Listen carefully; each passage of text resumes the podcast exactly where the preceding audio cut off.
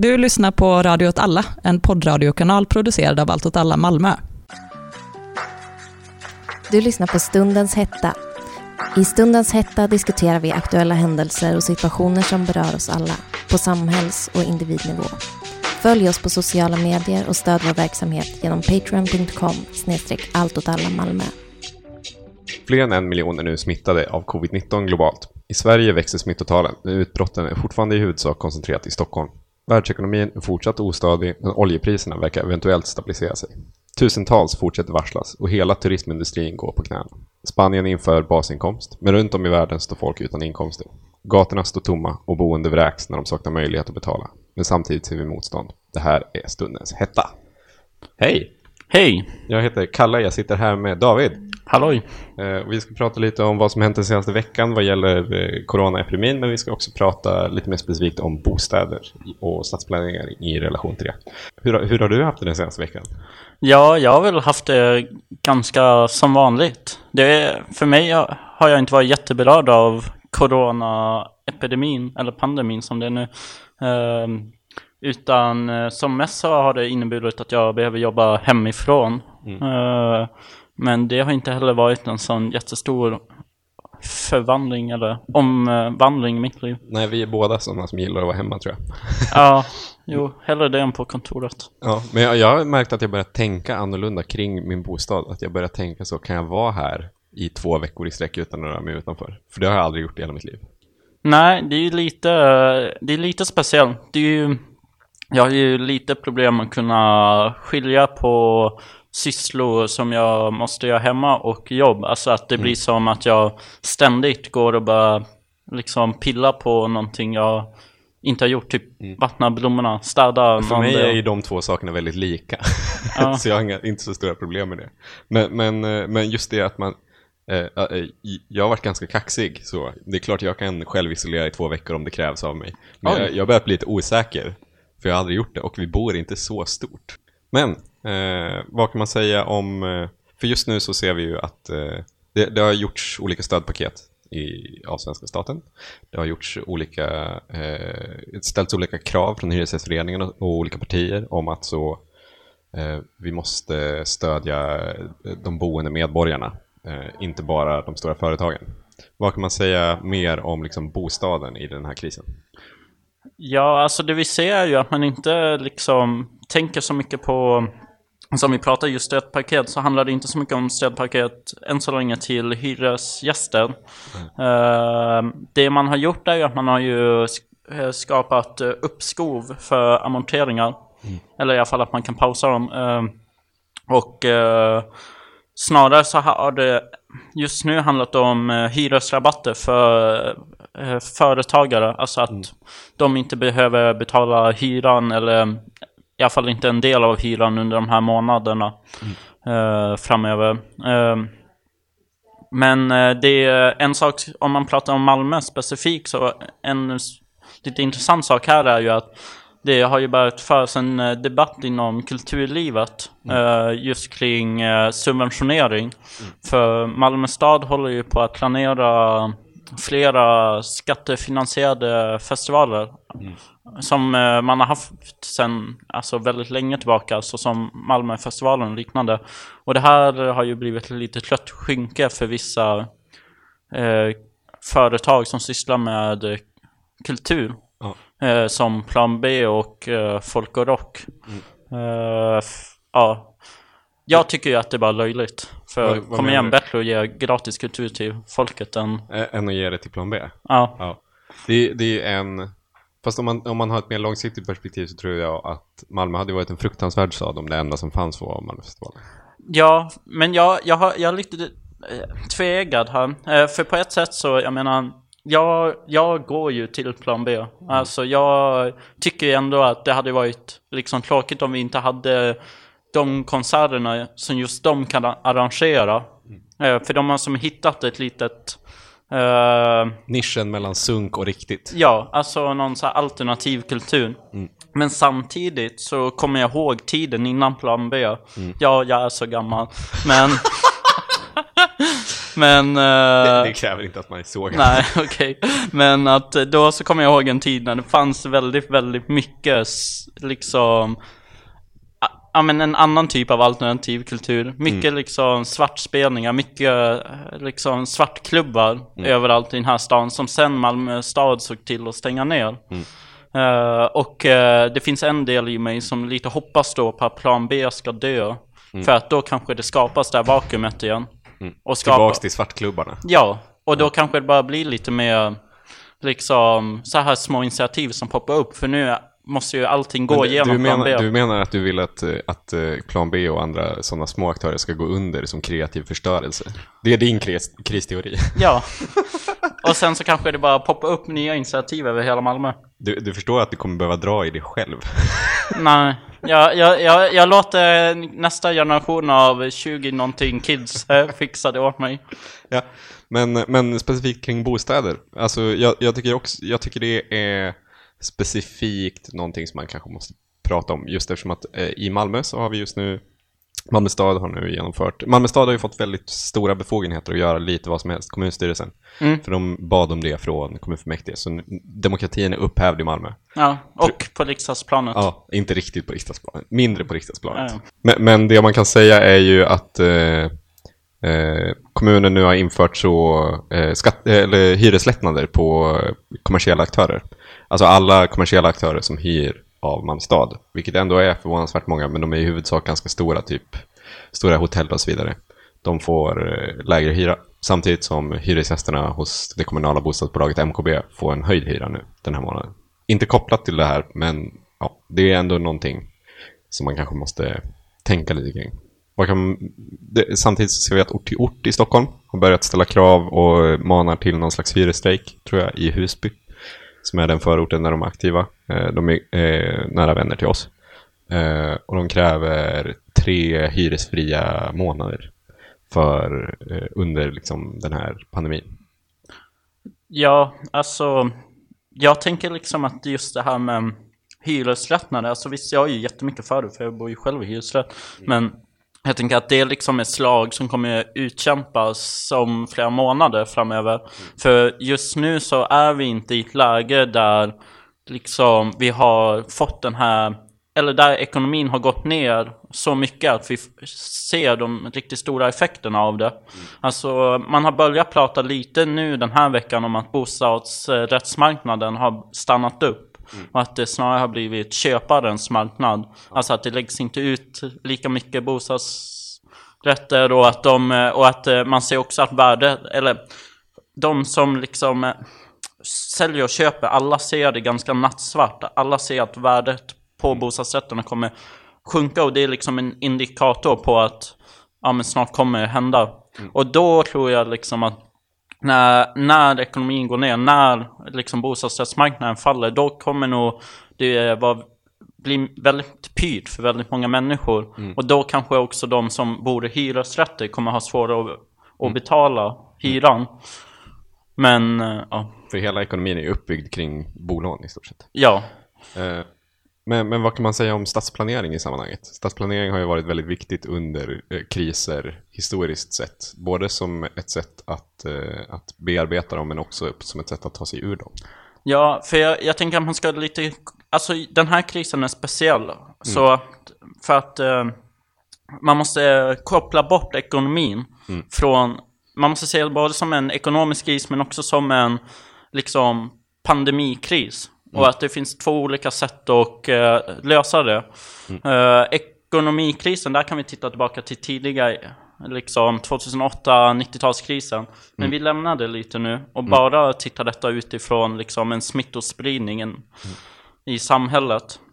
Och där kan man gå tillbaka till 1800-talet, uh, som var väl liksom det första århundradet där vi hade liksom den moderna borgerligheten mm. och där staden blev fokus. Mm. För där, då under det århundradet, där hade vi de stora liksom revolutionsåren. Vi hade 1848, mm. vi hade 1870. 71. Ah, Okej, okay, 71. Skitsamma. uh, men... Pariskommunen för fan. Ja, ja.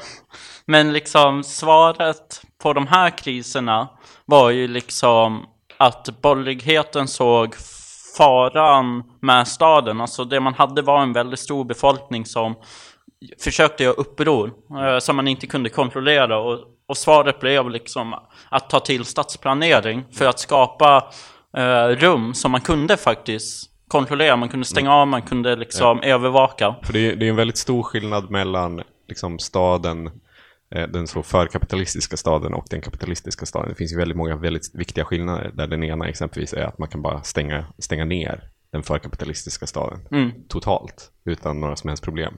Medan den kapitalistiska staden på något sätt alltid måste vara öppen för ja. att varor måste alltid kunna röra sig. Ja, staden är ju motorn i ekonomin helt ja. plötsligt. Och det är ju det som liksom har, är ett ständigt uh, problem för mm.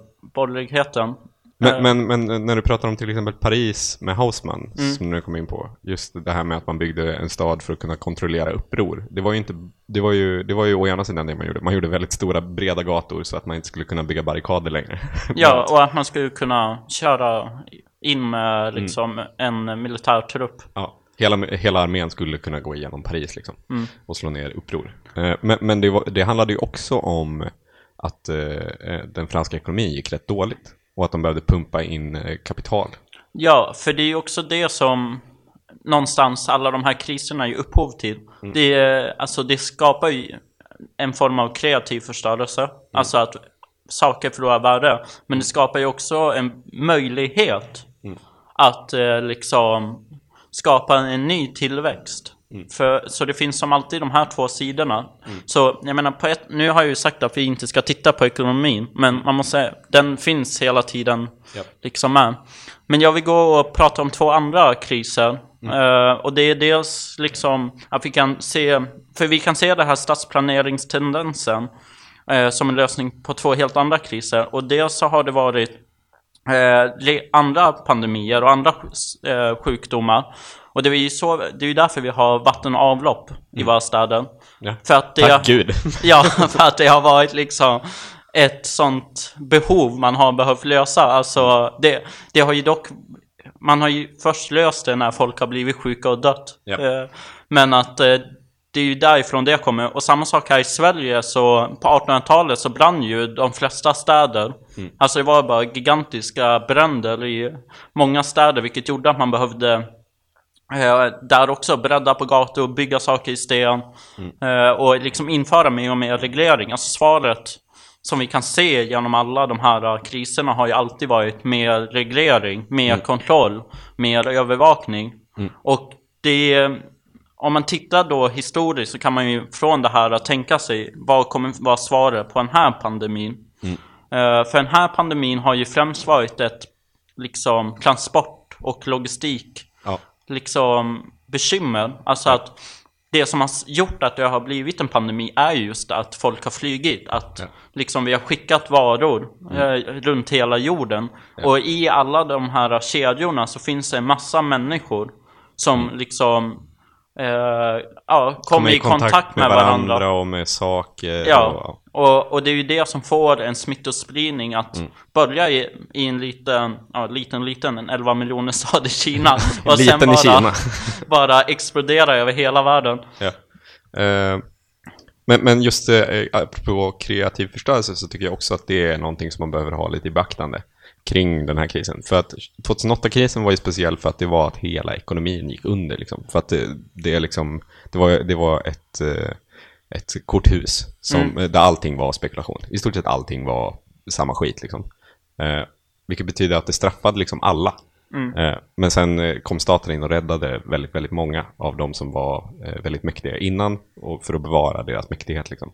Men det som är, alltså det finns väldigt många aktörer som i den här krisen inte har försvagats överhuvudtaget. Nej, för det här har ju egentligen inte varit en kris för ekonomi. Eller? Nej. Alltså det, har alltså, ju... det är en hälsokris som ja, kommer som... få ekonomiska konsekvenser. Men, men den ek ekonomins inre logik har liksom inte satts ur spel. Nej.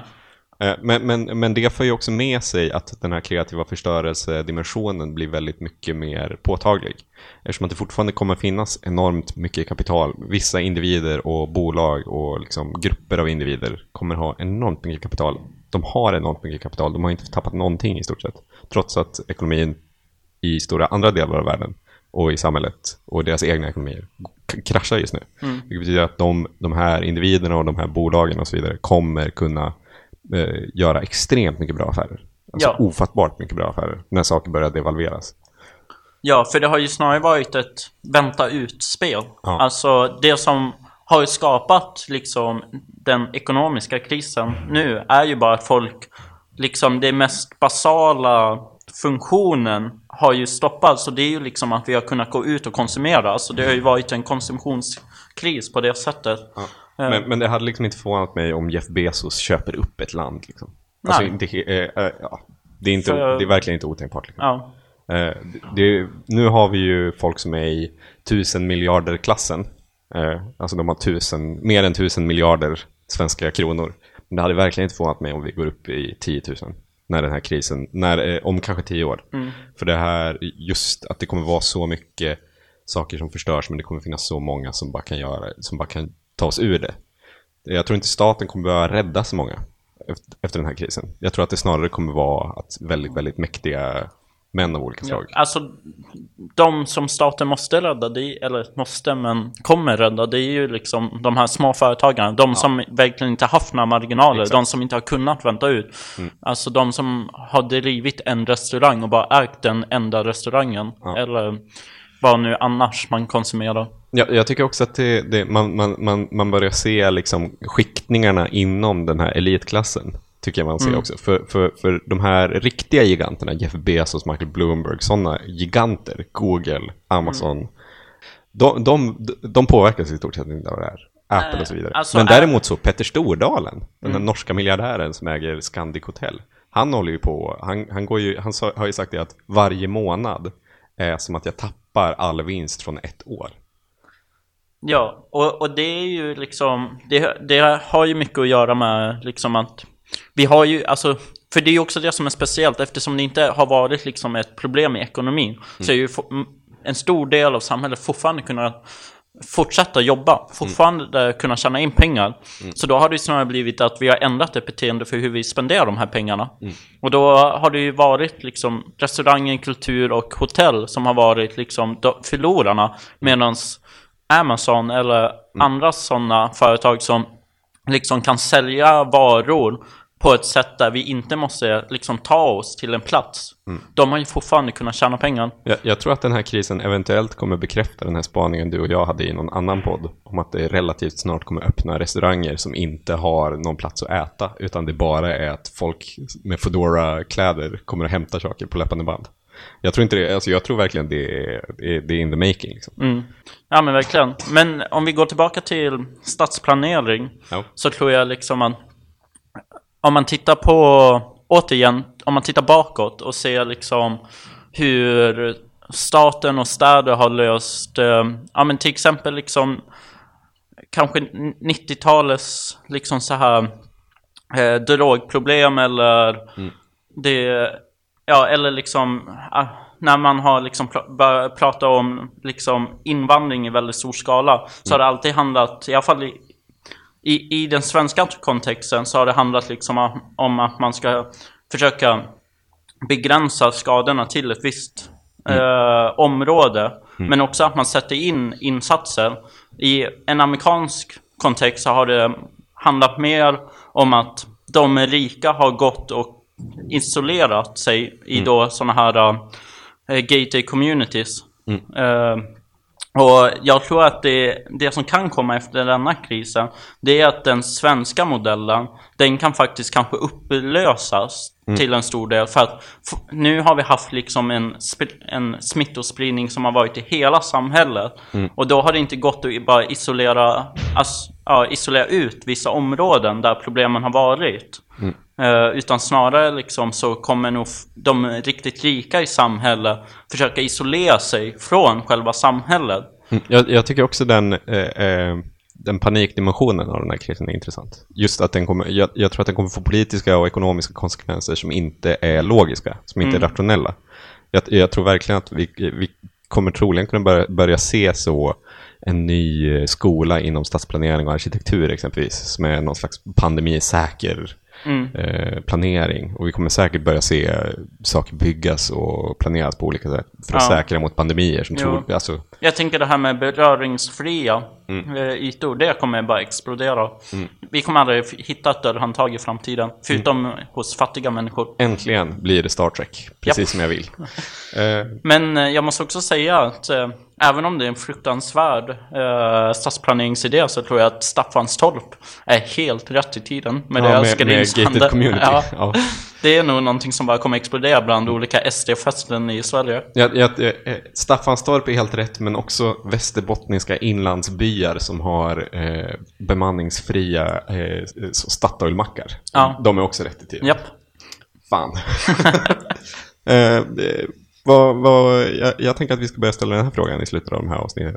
Vad tänker vi att man kanske borde snacka om nästa vecka? Det kommer troligen inte vara vi två, men vad borde de snacka om? Jag har tänkt att, att någon måste börja snacka om EU. Ja, eh, och den här goa inre marknaden. Exakt. Uh, vad händer? Mm, och eh, det kom ju ny, ny, inte för vi ska snacka om det, men det kom ju nyligen ett jäkligt stort stödpaket. Mm Uh, och sen också vad som kommer hända med Italien. Kommer de vara kvar? Ja. Spännande. Ja. Ses nästa vecka. Följ oss på sociala medier och stöd vår verksamhet genom patreon.com snedstreck allt åt alla Malmö.